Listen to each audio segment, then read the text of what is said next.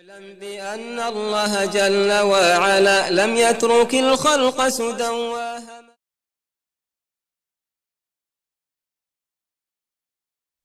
Allah uputi napravi put, tome nema zablude. Koga Allah subhanahu wa ta'ala u zabludi ostavi, tome nema ni pomagača, ni upućivača. Zato Allahovo zadovoljstvo i sebi spasa tražimo kad svedočimo srcem, riječima i dijelima, sve dok živimo, da nema drugog Boga sem Allaha, jedini i nema sudruga, i da je Muhammed sallallahu aleyhi ve sallam Allahov rob najbolji i njegov poslanik najbolji i posljednji koji ga je Allah subhanahu wa ta'ala stvorio za tu, za tu misiju i poslao ga kao milo svim svjetovima. A on je milo zato što, kao što kaže Allah subhanahu wa ta'ala na drugom mjestu, donosi radosne vijesti i opominje obveseljava one koji hoće da mu vjeruju i da Allahu subhanahu wa ta'ala iskreno i onako kako je poslanik sallallahu aleyhi ve selleme poslan da pojasni i pojasni robuju i da upozori svakog onoga ko odbije ovo djel, sve ili neki njegov dio. Jer shodno tome koliko i kako odbije, toliko i takvu kaznu kod Allaha subhanahu wa ta'ala zaslužuje Neka je Allahu salavat i salam na Muhammeda, Allahova poslanika, njegovu porodicu i svakog njegovog sljedbenika do sudnjeg dana. Molimo Allah da nas učine od takvih.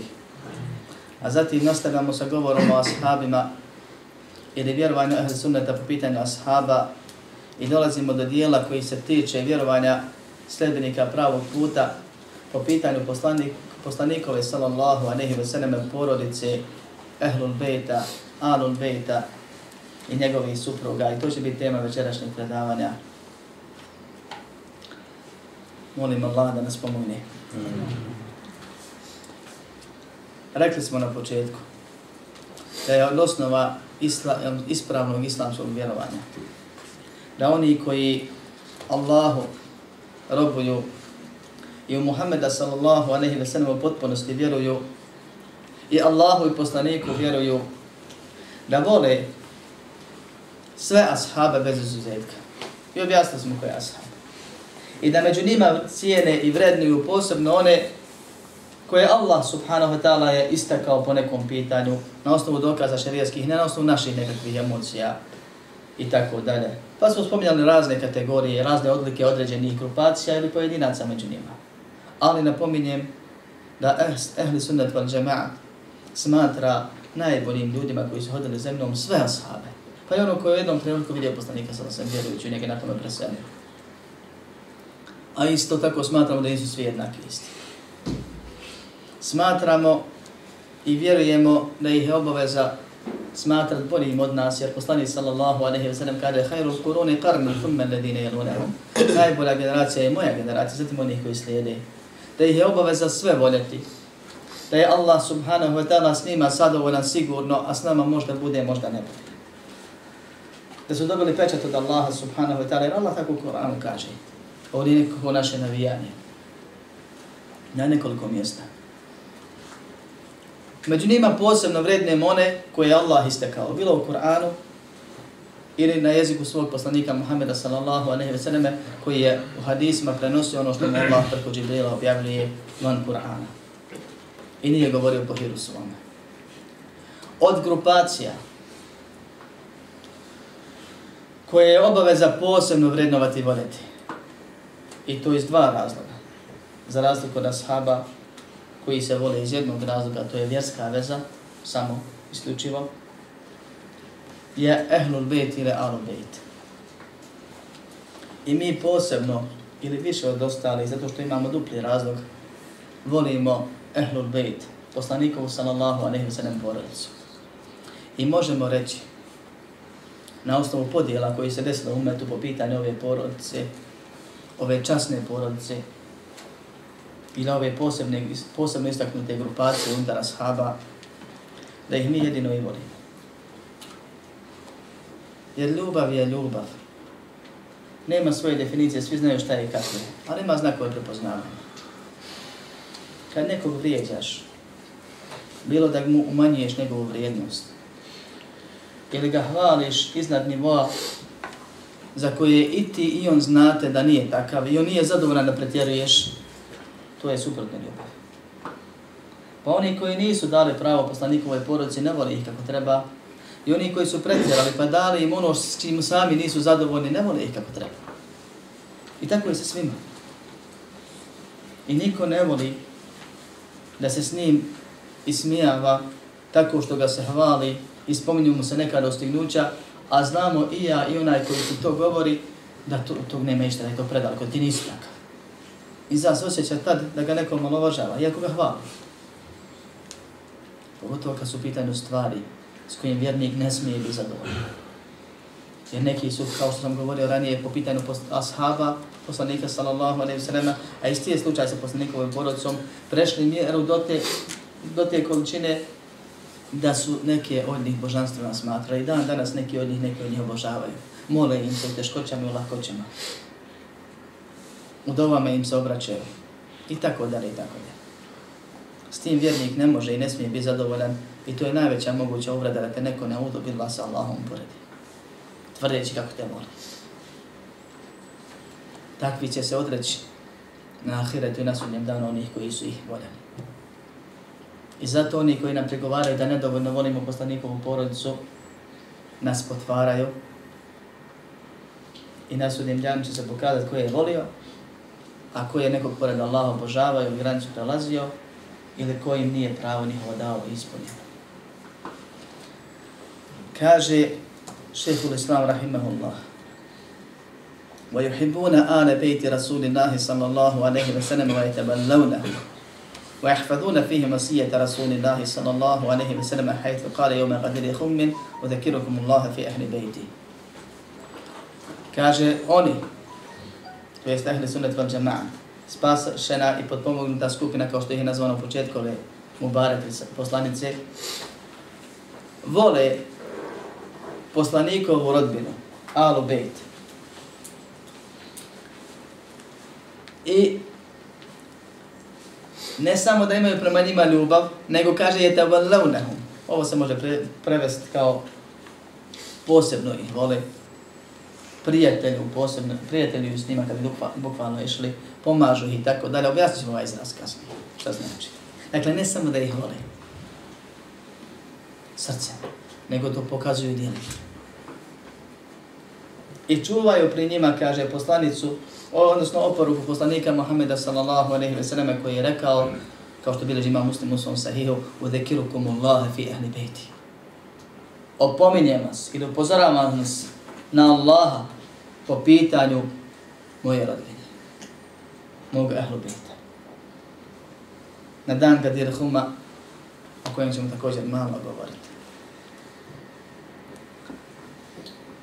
Šta će ovo akide? Ha? Zato što se neki pretjerali, prešli granicu i da nisu dali pravo i promijenili, uveli svoj menheđ, da je na pravom putu onaj ko misli onako ko što oni misle. Bilo da se radi onih koji su dodali ili od onih koji su oduzeli. Pa kad neko nešto uvede u pravac, u menheđu, znak prepoznavanja pravog puta, onda je obaveza na učenjacima da vrate stvari na početne postavke, da objasne šta je to istinu pravi put, šta je to ono na čemu su ashabi ispratili Muhammeda sallallahu alaihi sallam na ahiret kada je Allah povukao nakon što je ljudima objasnio pravi put. I zato kad se pojavili ljudi i kad se umet podijelio na tri grupacije, na jedne koji su pretjerali po pitanju poslanikove porodice, rodbine, ehlul Bejta, ehlul Bejta, i na druge koji su uveli u pravac, u program, u način razmišljanja i shvatanja vjere da treba im umaniti neka njihova prava, da ih treba malo zakinuti, da ih treba, kažu, na zemlju spustiti, pa na kraju da treba prema, prema njima ne na udobidla, suprotno od ove oporuke. Poslanik sallallahu anehi ve selleme je objavom nadahnut da će biti nešto od ovoga, pa je nakon povratka sa oprosnog hađa u mjestu na izvoru Hum poznati slučaj Gadir Hum, blizu mjesta Džohfa, negdje na, otprilike ne baš pola puta između Mekke i Medine, 18. Dhul Hidžeta kad se vraćao iz sa oprostom hađa, dakle pred smrt sam. Nakon što je Allah završio sa objavom propisa, nakon što je već objavljeno na ajet na Arefatu, danas sam vašu vjeru upotpunio, obavila svoj prema vam, usavršio, zadovoljno sam da vam ovaj islam bude vjera, napominje i drži hutbu u kojoj kaže da je ostavio iza sebe dvije stvari. Pa je ta hutba, ko što je umislimo sahihu i drugim zbirkama poput Irmize, je tako prenesena sa puno rivajeta i oko nje ima puno razilaženja između ehli sunata i drugih sekti, a ne kod ehli sunata, jer mi ne smatramo da je samo jedan hadis dovoljan da bi se uzeo propis ili pravilo ili shvatila neka stvar ako već na tu temu ima više hadisa, nego moramo uzeti sve dokaze pa onda izvući propis. Pa, se, pa je hudba bila duga, hudba ko hudba, govor obraćanje, nije to bila jedna rečenica. A na kraju poslanik se završava i kaže i moju porodicu. I kaže upozoram vam se na Allaha, opominjem vam se Allahom po pitanju moje porodice, ima puno rivajeta, pa su neki shvatili da me poslanik sa vasem poručio na kraju da se držimo Kur'ana i poslanikove porodice, što nije istina, kao što kažu islamski učenjaci, nego je oporuka bila da se držimo Kur'ana i sunneta, dok poslanika sallallahu sallam ne sretimo na havdu, a da obratimo pažnju na poslanikovu porodicu, onako kako je propisano, jer na to ukazuju Kur'an i sunnet. Pa da odmah ovo spomenem, jer možda kasnije zaboravim. Kaže, oni vole poslanikovu porodicu, I šta s tim? I zato su na putu koji vodi ka džennetu. Jer je ovo od osnova islamskog vjerovanja. I vole poslanikovo porod vraća na ono prije od osnova islamskog vjerovanja je to, to, to. Pa kaže i vole poslanikovu porodicu i pomažu ih. I posebno prema njima osjećaju vilajet, pristnost, ljubav koja iziskuje žrtvovanje, pomaganje, prijateljevanje, mržnju prema onome ko suprotno postupa. Čuvajući pritom posla, uh, oporuku poslanika sallallahu alaihi sallam kad je rekao ponijema se na Allaha po pitanju moje porodice. Kaže, ovdje počinje sa riječu Ali Bejt, a kasnije spominje Ehlul Bejt. Ove dvije riječi ukazuju na isto značenje, ali svaka od njih, kao što je pravo u arapskom jeziku, ima neko dodatno značenje. I jedno i drugo se prevodi kod nas kao porodica ili rodbina. I ostalo je umetu da se koristi kao ehlul bejt. I tako je preči. Zato što u današnjem vaktu, u vaktu gubljenja mnogih osjećaja za drugoga i drugačijeg i islamske propise, kad se kaže porodica, ljudima prvo na upadnu žene i djeca. A to nije porodica. A kad se kaže rodbina, onda te naumpadne tamo 16. koljeno što neka nena se pranjena sjeća, to opet nije rodbina, nije porodica. Nego ima u šarijetu šta je dokad je rodbina, dokad je porodica, na što se odnosi šta i kako. A svi govorimo Allahumma sami ana Muhammedin wa ana, wa ana ali Muhammed. I spominjamo mu riječ al. I u samom salavatu kojeg donosi ima na Muhammeda sallallahu alaihi wa sallam, to je jedan od znakova i plodova naše ljubavi prema njemu, o koje te, posebno treba govoriti. Mi stalno spominjemo tu taj izraz i tu porodicu. Što bi trebalo najmenu ruku da nas napomene na naše obaveze prema njima, a kako ćeš biti obavezan prema nekome ili kako ćeš ispuniti obavez ako ne znaš ko je to.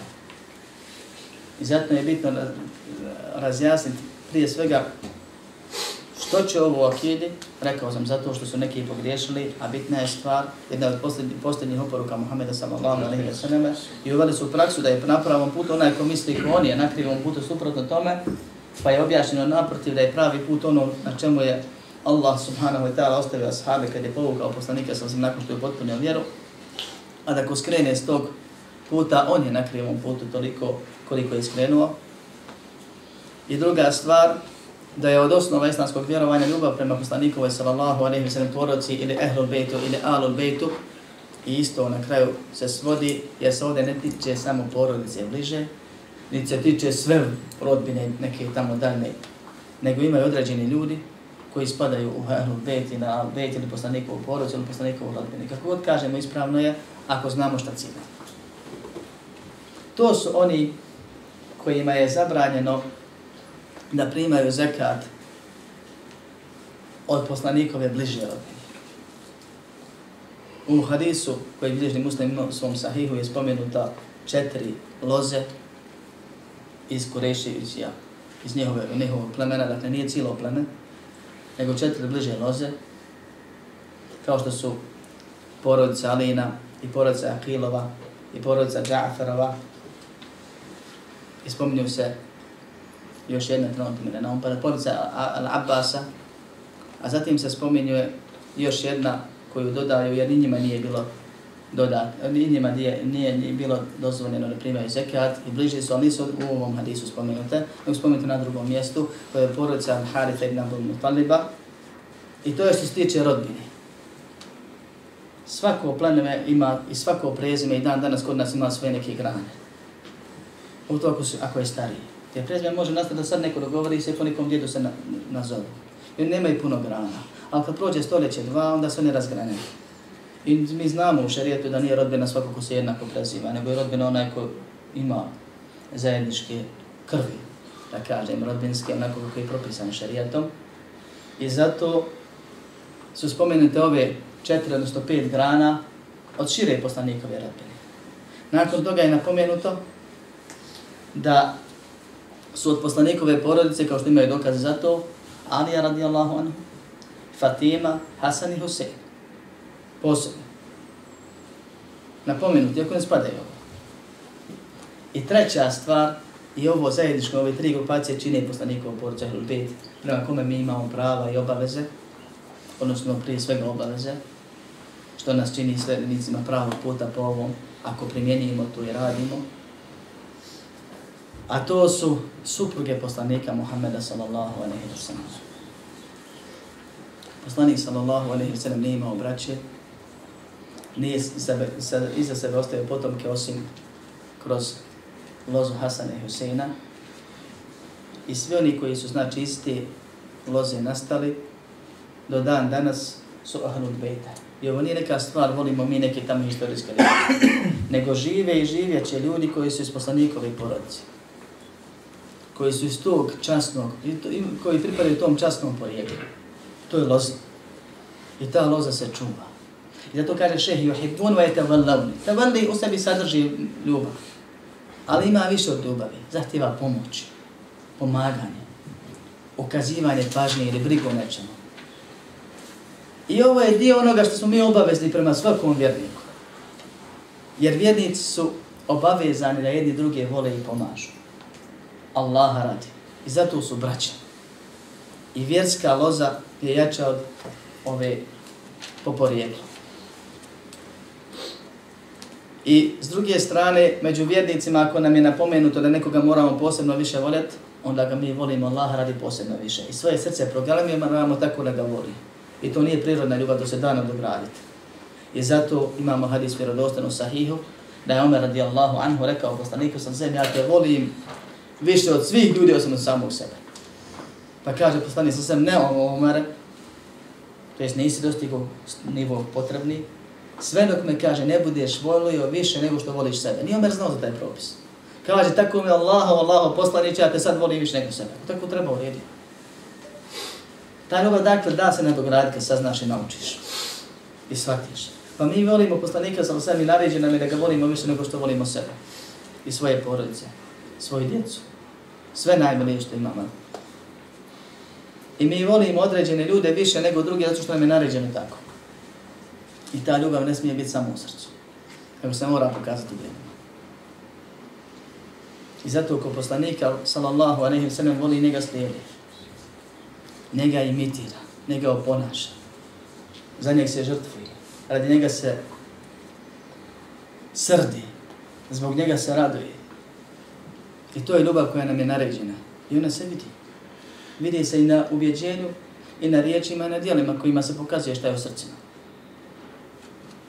Za razliku od onih koji tvrdi da poslanika vole i pjevaju mu pjesme i suze puštaju, a to se ne vidi ni na njihovim izgledima, ni na njihovom ponašanju, ni na njihovim riječima, pogotovo na njihovim dijelima. I to je lažna ljubav. Da, oni vole posle se samo neko minimalno ljubav koja je ostala u srcu i ponekad se neke pokaže. Jer ljudi se ne uzmeju po, toga, po tome šta pričaju, nego čime dokazuju. I zato musliman kad voli poslanika sallallahu alaihi wa sallam, to se vidi na njemu. I ta ljubav se također može da poveća. I povećaju se dobra djela. I mi poslanika ne volimo zbog njega, nego zato što nam je Allah naredio da volimo. Zato što ga je Allah odabrao i najboljim učinio i primjerom učinio. I zato što se on za sve nas žrtvovao. Jer ga je Allah uputio i pomogao opet. Da ga volimo radi Allaha, ne sa Allahom. Allah se jedini voli sam radi sebe. A svi ostali se voli u ime Allaha, radi Allaha, a ne uz Allaha ili sa Allahom, to je širk. Da nas Allah sačuva. Od ljubavi prema poslaniku, sallallahu alaihi ve selleme, je ljubav prema ovoj lozi i onima koji su iz nje, znači, nastali dan danas. Pa je obaveza muslimanima svim, to što neko neće da prihvati, to je njegova stvar, da voli Muhammeda sallallahu alaihi wa sallam više nego što voli sebe. A ako bi volio poslanika sallallahu alaihi wa sallam ne ko što voli sebe, svoju ženu i djecu, bio bi grešan, ne bi bio nevrednik. Obaveza muslimanima svim je da vole ashabe, među njima posebno one koje Allah više voli, a među njima posebno one koje, koji pripadaju ovaj ehlul bejt, poslanikovu sallallahu alaihi wa sallam porodicu. Allaha radi, pa zatim što su oni poslanikova rodbina i što je poslanik sam posebno volio, i zato što Allah subhanahu wa ta'ala u Kur'anu naređuje sljedeći. Kul la es'alukum alaihi ajra illa nawaddade fil kurba. Reci, o Muhammede sallallahu alaihi wa sallam. Ja od vas ne tražim nikakvu nagradu, nikakvu platu. Sve ovo što, što je iznio poslanik sa samog tereta dokom 23 godine, ne traži ništa za osvrata godine. Illa al mawaddati fil qurba. i opet ovo Allah ne. Osim ljubav prema mojoj rodbi. Nije to Muhammed sam samo sebe tražio, nego mu Allah naredio da nam spominje tu stvar. Pa poslanik sa sem kaže, upozoravam vas i opominjem vas posebno, Allahom vas opominjem na moju rodbinu. Da ne zaboravite njihova prava. Koja su to prava? Da se voli. Da se ukazuje im počast u svim mogućim prilikama gdje je to dozvoljeno, ne prelazići granicu. Pa kažu kad znamo da je neko od poslanikove loze, a taj, taj, taj neseb ili ta loza mora biti dokazana. I to se čuva. I zato imaju pravila kako se dokazuje. I klično su mi pričali ljudi, s obzirom da sam imao tu čast da stavijem kod čovjeka, osam godina kod čovjeka koji je iz poslanikove loze, pa sam se raspitivao puno onima. sjedio sam s njim, a i drugi, sjećam se jedne prilike da je jedan moj profesor komšija, profesor na Islamskom univerzitetu Medini, pričao mi kako se zadesio na nekoj svadbi i vidio jedno čud, jedan čudan događaj. A to je da upo svadbe neko je nešto progovorio i jednom mi kaže, a svadba je bila kod jednog koji je iz poslanikove loze. Jednom se pokupiš, pokupi većina ljudi odoše negdje. Izletiše. On onaj ko nije čuje svadba je, svako priča sa svakim i tako dalje. Pogubi smo se, kaže, ne znam šta se desilo. Kad govori, ostanite vi tu, pojavio se neki čovjek koji tvrdi da je iz poslanikove loze, pa su oni sazvali hitan sastanak da provjere to sve, jer prvo imaju dokumente, a drugo i pamte se te predaje, sva, uče svoje, pa da provjere zaista je li nije. I ne može svako doći reći, iako je bilo kroz historiju Islama, ljudi koji su podličivali kadije, zato imamo danas danas lažnih iz potvrđenih loza, kad je da im izdaju pečate u nekim tamo državama koje su nastajale i nestajale kroz istoriju Islama, da su neki od njih potomci Hasana i zato tih ima najviše. Iz dva razloga, jedan je to danas. Međutim, pamti, pa, prate se te stvari. Pa ako znamo, kažu učenjaci, da je neko iz poslanikove loze, ako je među lemom, oni, a i ostali svijet, trebaju da ga da mu pokažu više poštovanja nego drugim. Ako je na sjelu, kaže, među ostalim svijetom, a nije među lemom, treba mu dati prednost, poka, po, dati mu ljepše mjesto, početi onih priservirani i tako ne. A ako je on na sjelu džema oleme, a nije do leme, šta ćemo onda? Olemi dati prednost, jer je znanje veće od, jače od porijekla.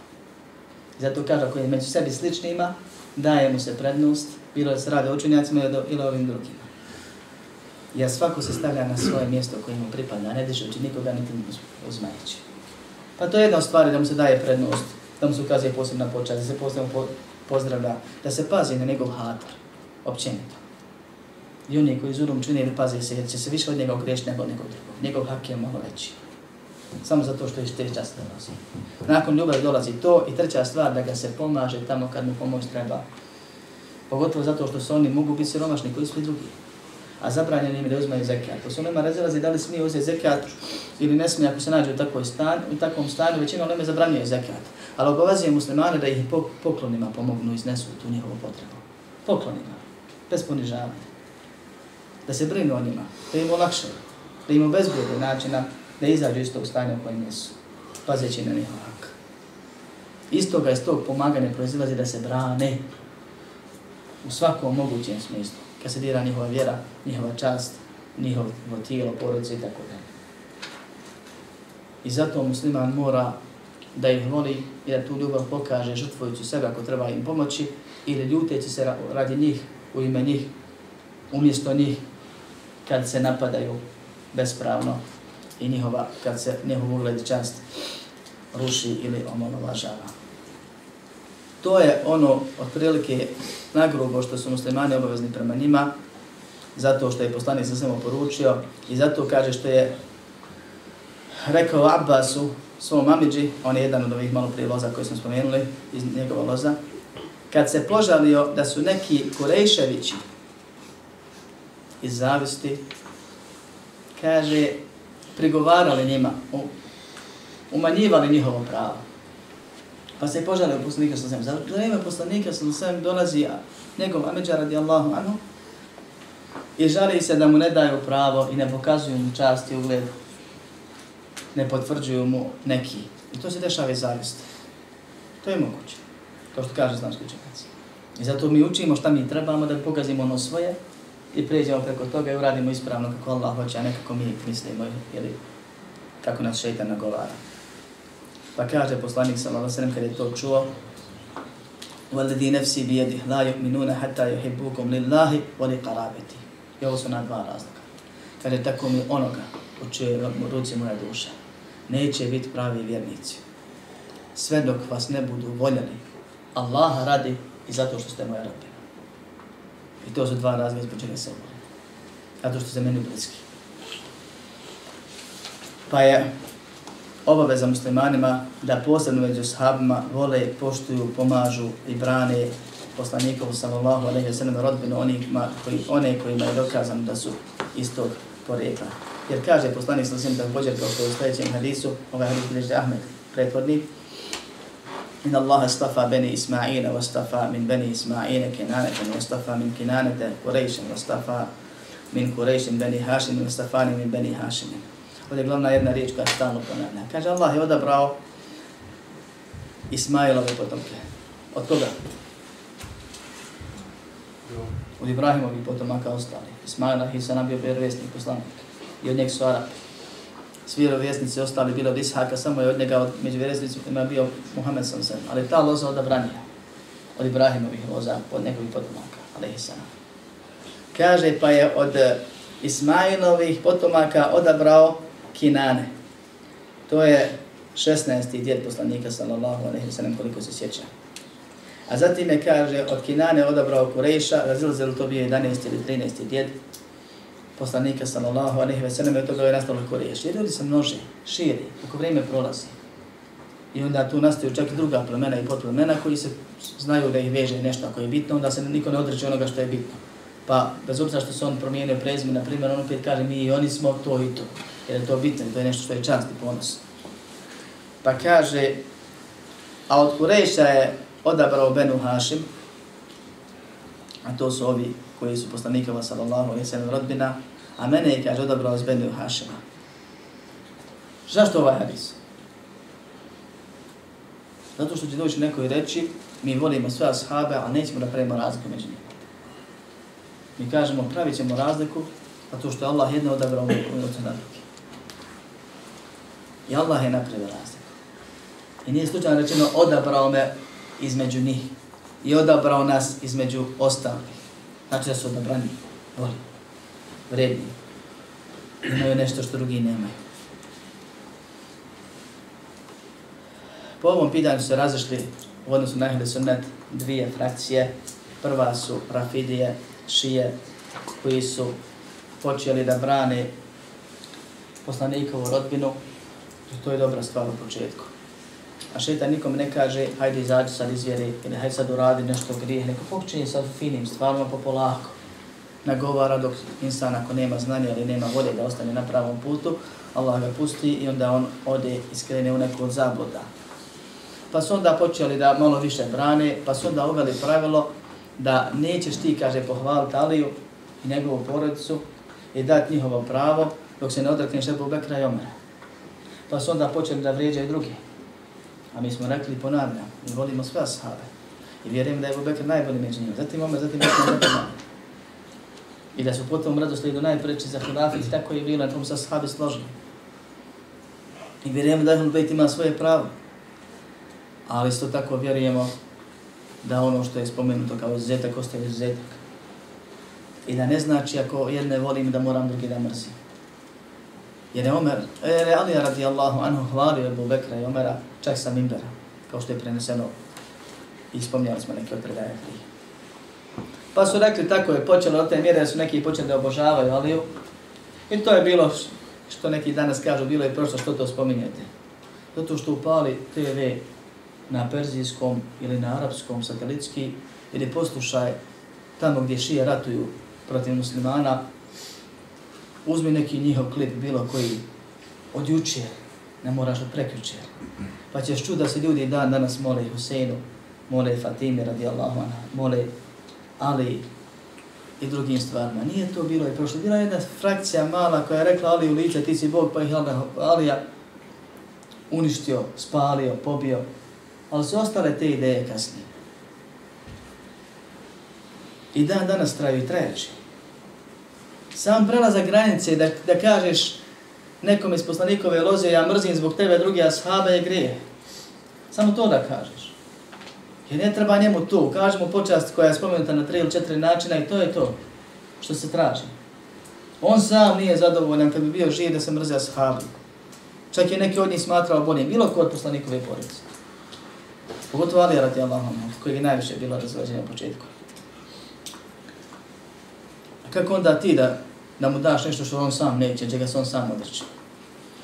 I zato tako je počelo, završilo je znači za velikim pretjerivanjem do te mjere da smatraju nevjernicima sve ashabe, osim one koji su ili iz poslanikove porodice ili perzijskog porijekla. Neko će reći čudo, a onaj ko zna kako su nastali, nije mu uopšte nije čudno, ali to je druga tema. Suprotno njima se pojavili ljudi koji, koji imaju to išlo na živce svakom muslimanu treba da ide na živice, da se srdi, da je to je greška i tako dalje. Ali musliman reaguje šarijatski, a ne po svom čefu. Pa su ljudi skontali, rekli, vi veličate, ali treba ga spustiti na zemlju. Mislim, u priče tako dalje. Pa su počeli da traže mahane i da spominju stvari koje ne smiju spominjati. A svog insan ima greša kada smo spomenuli. Pa su počeli da braneći ostale oshabe omalovažavaju poslanikovu porodicu. Pa su onda rekli nemaju nikakvo pravo, pa su počeli neki od njih da ne prijatelju prema njima. Da ih vrijeđa. Da pokazuje neprijateljstvo. Kako bi zaštitili ugled Ebu Bekra ili, ili kasnije ovaj Osmanovu lozu ili neke druge stvari. Što je totalna zapada. Allah od nas ne traži to. Naprotiv zabranjenja. To je suprotno onome što je Allah obavijestio ashabima. I zato su muslimani po svakom pa po ovom pitanju sredini između dvije krajnosti. I Kako biti u sredini? Tako što ćeš šerijski postupati. Jer većina novotarija su nastale, odnosno pola možemo reći novotarija je nastalo kao reakcija na prvu, na prvu krajnost.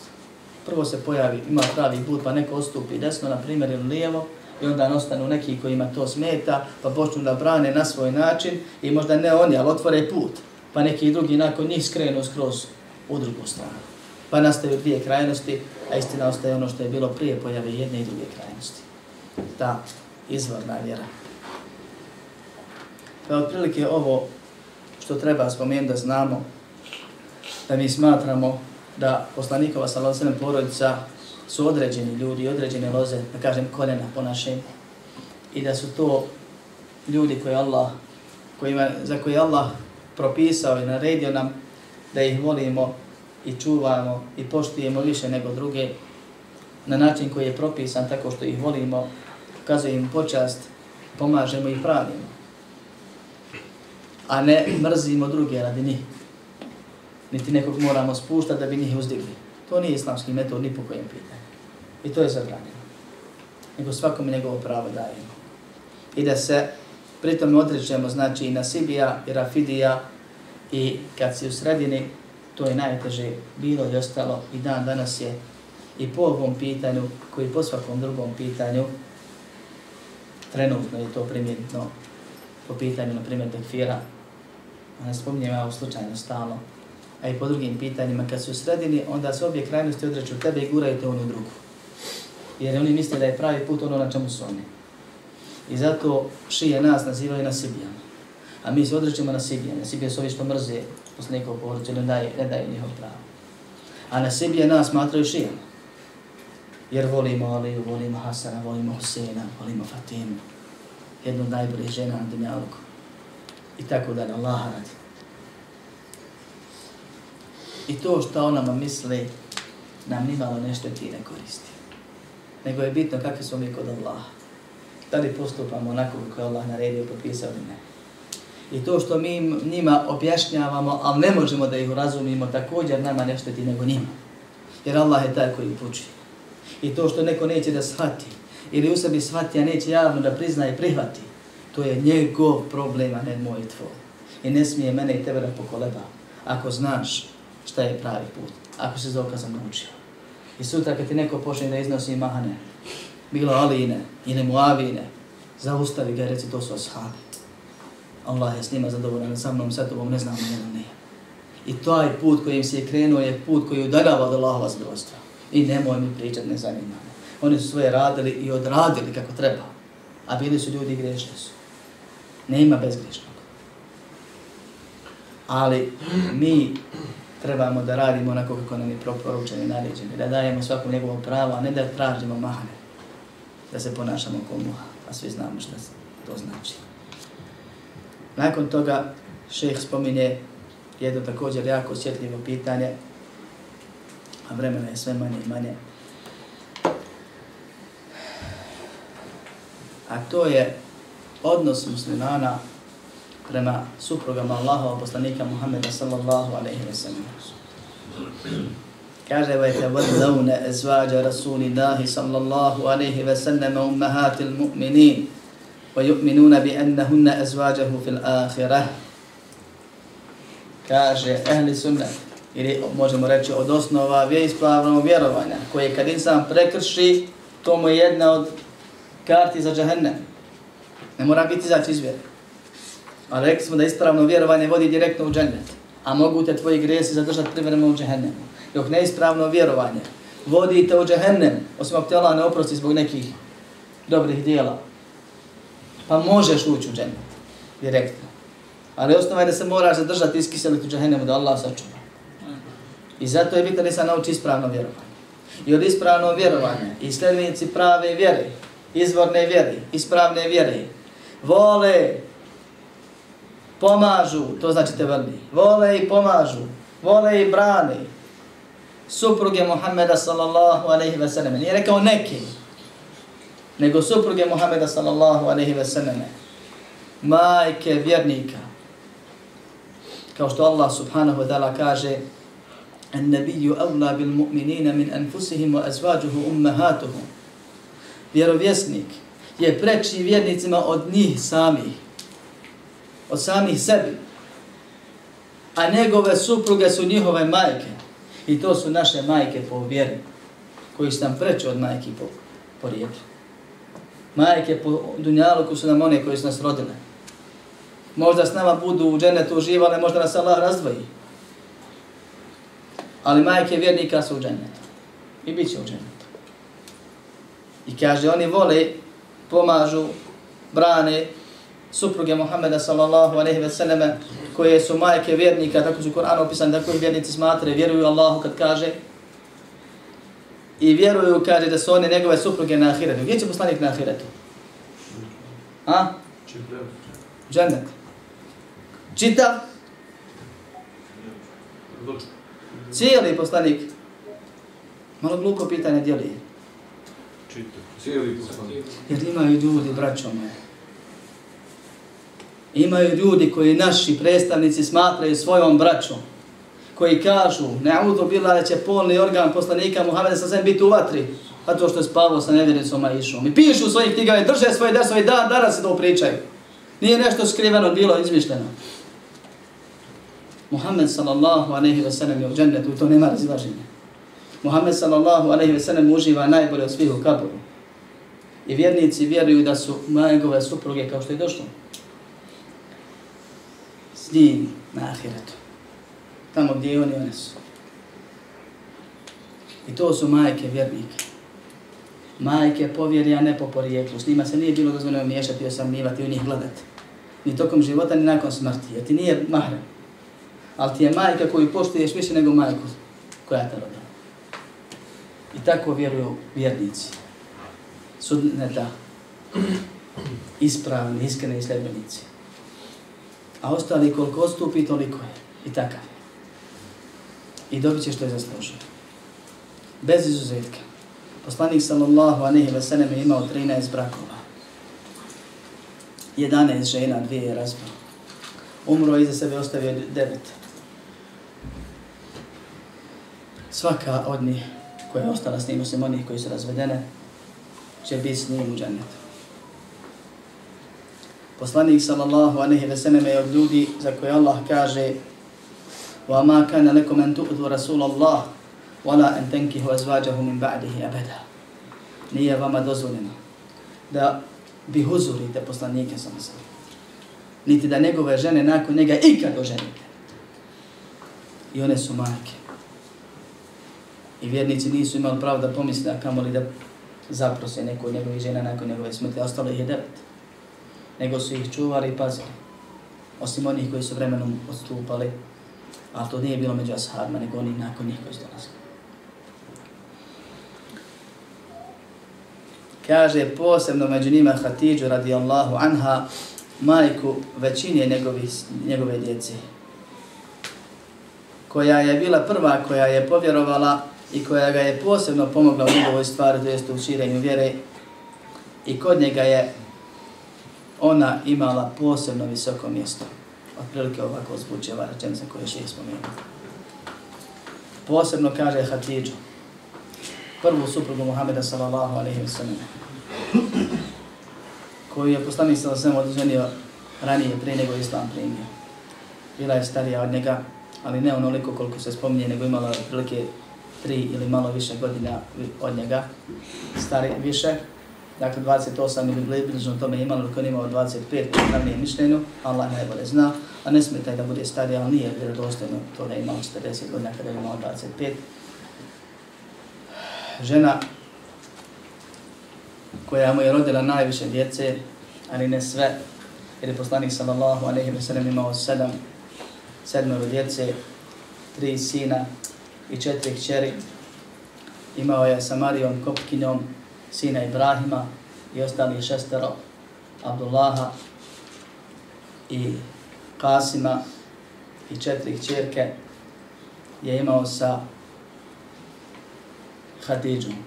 Ostale žene nisu ni zanosile pa pobacivale pošto imaju neki slabi rivajeti, niti su mu ih kog rodile. A žene su imane. Allah je tako htio. Pa jedna od odlika Hadidža od ostalim ženama da je mu rodila najviše djece. I to je jedna od sporednih odluka, šta je, odlika šta je sve radila. Prva koja je povjerovala, ili prva muslimanka općenito, prva među muslimanima je bila ona. Poznati slučaj kada je došla objava, prvo njoj se povjerio. I odmah je prihvatila, smirila i povjerovala. A zatim je otišao Ebu Bekru pa je primio islam. Poznata je ona izreka da prvi među muškarcima je Ebu Bekr, prvi među dječacima, ali je prva među ženama je Hatidža. I to istina ako tako razlažemo. Ali općenito prvi musliman nakon poslanika je Hatidža bila radi Allah. Jedna od najboljih žena ikad koje su hodile zemljom. I najviše od svih žena koja ga je ikad pomogla je bila Hatidža radi Allah. Ona je bila trgovkina, imala je metka. Imao imun i on sallallahu alaihi sallam. U početku. Međutim, kad mu je došla objava, prestao je zarađivati i širio je vjeru. Ona mu je dala svoj metak koji je koristio i od koje je vjeru. Da kažem, živio tvoj period u Mekki, a ši, posvetio je svoje vrijeme širenju vjeri. I iz ovoga se također zvači propis da nije zabranjeno uzeti poklon i da nije zabranjeno koristiti tuđi metak, jer poslani se sebi dijelimično koristio Hatidžin, a dijelimično Ebu Bekr, ako se insan posveti većim ciljom i da to nije parazitiranje, parazitiranje kad ti nećeš raditi, hoće da te neko drugi izdržava, a nekad nečim prečim, pa ne možeš pa onda koristiš bez traženja i prošenja ono što ti neko na raspolaganje stavi. Kaže poslanik sam se, nije mi ničiji metak podvistio, kao što mi je podvistio i metak Ebu Bekra. I tu spada je Hatidža, niči. Jer kasnije je Ebu Bekr dao puno više nego što je Hatidža, jer ona živjela kratko, radi Allahu anha. Ali je iznijela tu stvar u početku jer je najpotrebnije i zato ima posebnu odluku u kojoj ne učestvuje nijedna druga supruga Muhammeda sallallahu alaihi wa sallam. Imala je, kaže, posebno veliki ugled kod njega, posebno veliko mjesto, do smrti je spominjao i hvalio. Aisha radijallahu anha, koja je jedna od dvije najbolje žene poslanika Muhammeda sallallahu alaihi wa sallam, koju ćemo spomenuti kasnije, gdje se u nema razilazi koja je vrednija Hatidža ili Aisha. Aisha radijallahu anha bila jako ljubomorna na Hatidžu, jako je mrtva, nije zapamtila. Jer je toliko poslanik se spominjao. Čak se spominje da jedne prilike rekla, što spominješ tu staricu, kad je Allah zamijenio sa mlađom i lepšom ili boljom. Pa je rekao poslanik se zem, Allah nije mi dao ni mlađu ni bolju. Iako je bila mlađa. Nego je pravilo, braćo moja, kad neko udari na neku čast, na nečiju čast, makar to bilo iz pomere, da ga se spusti. I to je od suneta. Da se vrati on na svoje mjesto, da zna svoje mjesto.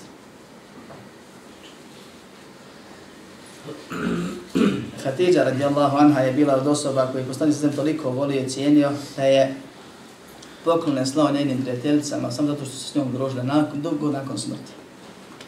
Šta bi danas bilo kad bi čovjek slao poklone prijateljicama svoje žene, ostavit ćemo vama da sami zaključite. Nakon Hatidža o kojoj se može puno govoriti, kaže, ka, poslanik, kaže šeh o Siddiqatu bintu Siddiq radijallahu anha. Iskrena, kći iskrenog. Aisha kći Ebu Bekra radijallahu anha. التي قال فيها النبي صلى الله عليه وسلم فعدل عائشة على النساء كفضل الثريد على سائر الطعام vrijednost Aiše nad ostalim ženama je kao vrijednost Ferida nad ostalom hranom. Ferid je nešto kod nas prevode ko popara ili nešto bolje od toga ili tako dalje. Pojenta da je to bilo nešto što je kod njih bilo posebno cijenjeno. Sa posebno najbolje brašna koje su imali koristili su sa sloj brašna, brašna odnosno jufke, pa sloj maslaca, pa sloj mesa, pa su to nekako ima opisuje se, ima više verzija, zato svako ko opisuje drugačije malo opiše i tako dalje. Pojenta je da je to bilo nešto što je bilo, ko što kod nas kažu, sve su pita, pitica, burek je pitac ili za čevape ili nešto drugo. Ovaj, mi cijenimo nešto i znamo po čemu smo poznati. Svaki narod ima nešto. U doba njihova carilje je bilo nešto najbolje. Pa kaže pisanje za sve, vrijednost Aiše nad ostalim ženama. Jer je, je kao vrijednost Ferida nad ostalim hranom, nad ostalim jelima. Znači najbolje. I ovo je jedan od dokaza u dijelu učenjaka koji tvrdi da je Iša radijallahu anha bolja od Hatidže. I vrijednija. Ima još dokaza. A onome se razišla po, razišla po ovom pitanju na tri mišljenja. Prvo je da je Hatidža vrijednija. Drugo je da je Iša vrijednija. Treće je da su one njih dvije na prvom mjestu, dijele prvo mjesto što bi rekli ovaj takmičarskim izrazom. Jer svaka od njih ima odlike koje nema druga. I time se upotpunjavaju i ne može se prevagnuti. Čeh Islam je na to na to mišljenju bio, zato je spomenuo njih dvije, rekao posebno Hatidža, pa spomenuo što od odlika, i Aisha, pa spomenuo što od odlika, i onda rekao ostale žene, nije ovaj ovdje spomenuo koja je bolja, koja je, koja je vrijednija od drugih. Jer su obje najvrijednije bile. Allah najbolje zna.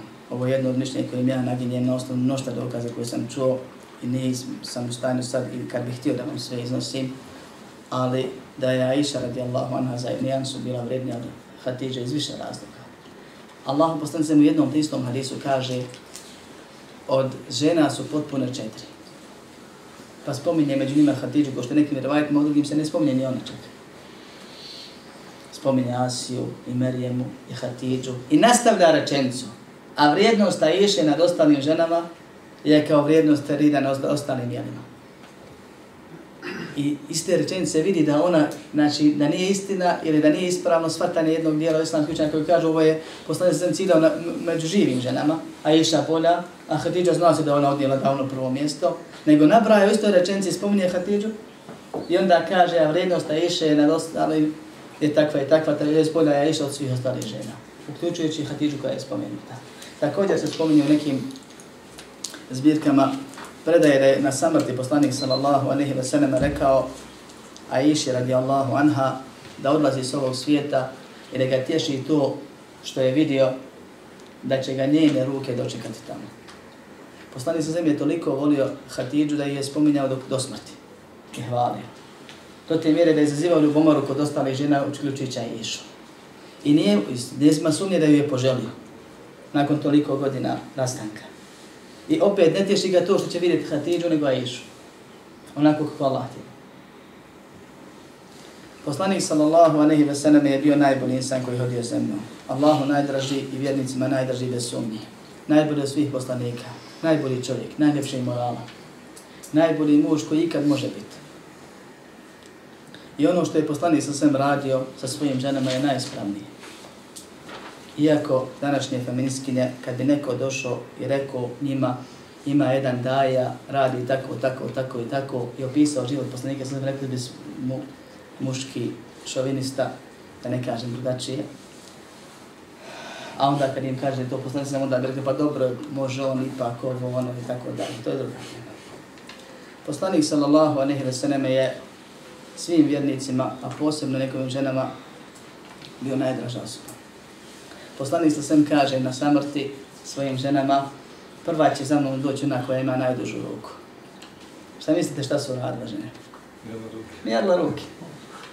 Misleći da cilja bukvalno, doslovno. Pa je nije otišla ona koja ima najdužu ruku, nego ona koja je najdržljivija.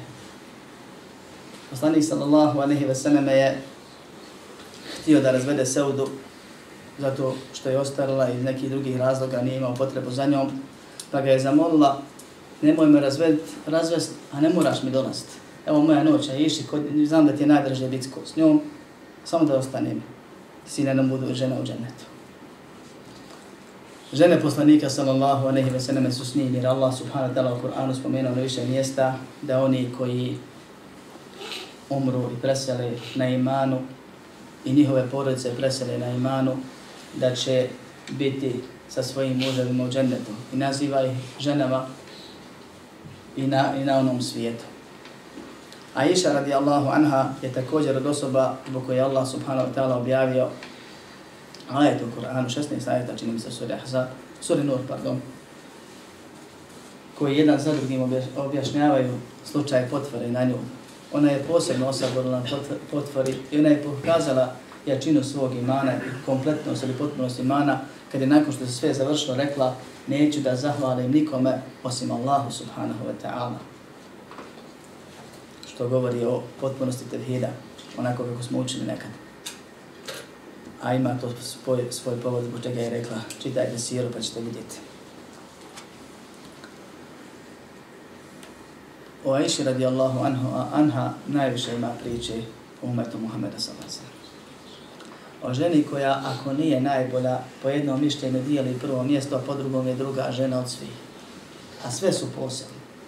Jer Allah kaže čestite žene su za čestite muškarce i čestite muškarce za čestite žene. Što boli muškarac, bolja mu žena i obratno. A najbolji je Mohamed sa zemlji. Njegove žene su najbolje žene. I pokvareni muškarci su pokvarene žene i pokvarene žene su pokvarene muškarci i suprotno tome. Dakle, ili prvo ili drugo mjesto dođu ljudi i kažu nevjernice na ovom. Ili sumnju, ili fitneči, ili ovo ili ono. Spomeću neke događaje koji su se desili, ili neke greške koje je učinila, ili grijehe koji se mogu potvrditi. A aludirajući i potvarajući na puno više od toga, poznati slučaj da šije smatrali učinila blud i da smatrali su ga dobače, dodati u Koran, da smo mi to pobiva dopisali, odnosno naši predsi. da to nije Allah ništa objavio i kažu Allah, tumače, tumače riječi Allah subhanahu wa ta'ala, Allah ne redio zaklijete kravu, kaže to je Iša radi Allah anha i tako, kažu to je Iša i tako dalje. Mi kažemo radi Allahu anha. Nije šejh se puno zadržao ovdje, jer nije njemu cilj bio da govori koja je bolja ili koja je gora, nego je rekao da muslimani, sljednici pravog puta, posebno vole žene poslanika sa sve ljubavlju vjerskom, a ne onom drugom. Smatra ih majkama.